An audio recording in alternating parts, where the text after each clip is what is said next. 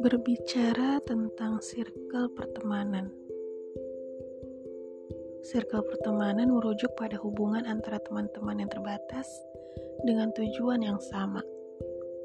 Intinya, kamu memiliki suatu kesamaan dengan orang-orang tersebut. Misalnya ya kayak menggemari bola basket, mengikuti organisasi yang sama, dan lain-lain sebagainya. Nah, di sini kita akan bahas tentang circle pertemanan. Apa sih manfaat dari circle pertemanan? Yang pertama, meningkatkan kesehatan fisik. Circle pertemanan yang baik bisa meningkatkan kesehatan fisik loh. Dengan kehadiran sosok teman sejati, ketahanan tubuh kamu ya cenderung ikut berkembang.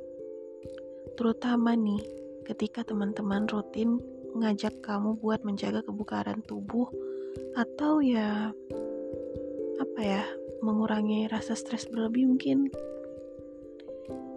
Next yang kedua memberikan dukungan emosional buat kamu yang sering mendam perasaan lebih baik meluapkan seluruh isi hati pada teman. Justru ini bakal bikin perubahan mood lebih da lebih apa ya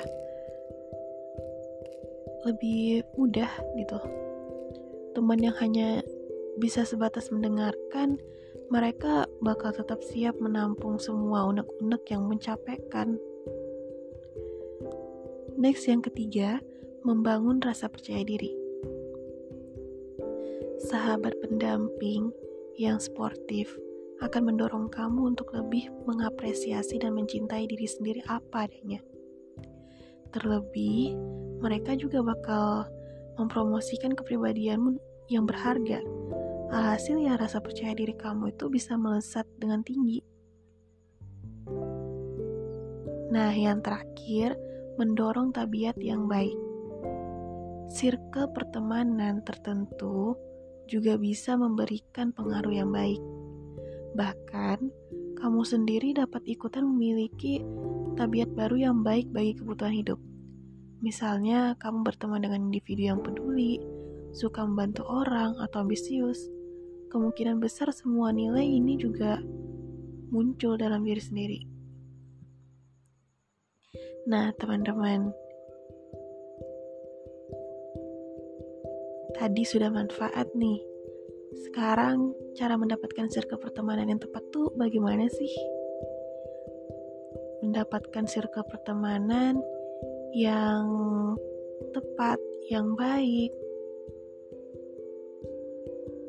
Ini deh, aku kasih tahu. Yang pertama, tentukan circle pertemanan sesuai kebutuhan. Nah, tentukan dulu nih circle pertemanan sesuai kebutuhan diri sendiri. Coba aja bikin list kecil terkait kepribadian atau hal-hal kesukaan yang didambakan dalam seorang teman. Jangan ragu untuk menuliskan secara detail karena apa ya? Karena uh, menurutku ini bakal membuat pencarian calon teman lebih mudah dan efisien. Next yang kedua, mulai sering-sering bertemu dengan orang baru.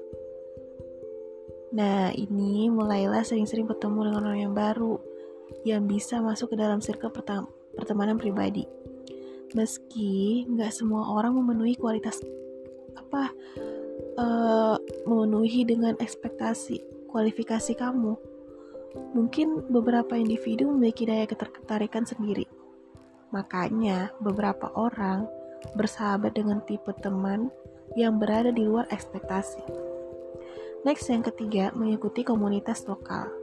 Salah satu cara mendapatkan circle pertemanan tercepat lainnya adalah mengikuti berbagai komunitas lokal, khususnya komunitas lokal yang selaras dengan minat dan ya kapasitas kamu. Lebih baik lagi jika kak uh, jika apa ya komunitas ini tuh rutin mengadakan pertemuan antara anggota Next yang terakhir, lakukan komunikasi dengan teman secara berkala. Untuk menjaga keaktifan circle pertemanan, lakukan komunikasi secara berkala. Sebagai teman, tentu penting untuk berkabar dan menukar informasi dengan orang baru maupun orang lama. Namun, sering kali banyak perhatian orang yang mudah teralihkan sehingga lupa untuk melakukannya. Nah, guys, ya hujan deh. Oke, okay. Aku kasih tau ya, ketika kita berhasil mendapatkan circle pertemanan yang tepat, Mungkin kamu bakal nggak selalu sejalan dengan keputusan teman dalam hubungan pertemanan sehari-hari. Wajar sih kalau kamu sering ngadu mulut dan atau berselisih pendapat. Justru itu yang membuat pertemanan kalian tuh semakin kuat. Tapi gimana kalau kalian cenderung lebih banyak bertengkar daripada berdiskusi dengan baik-baik? Ya mungkin ini waktunya kamu menguji kualitas circle pertemanan yang kamu punya. Bye bye.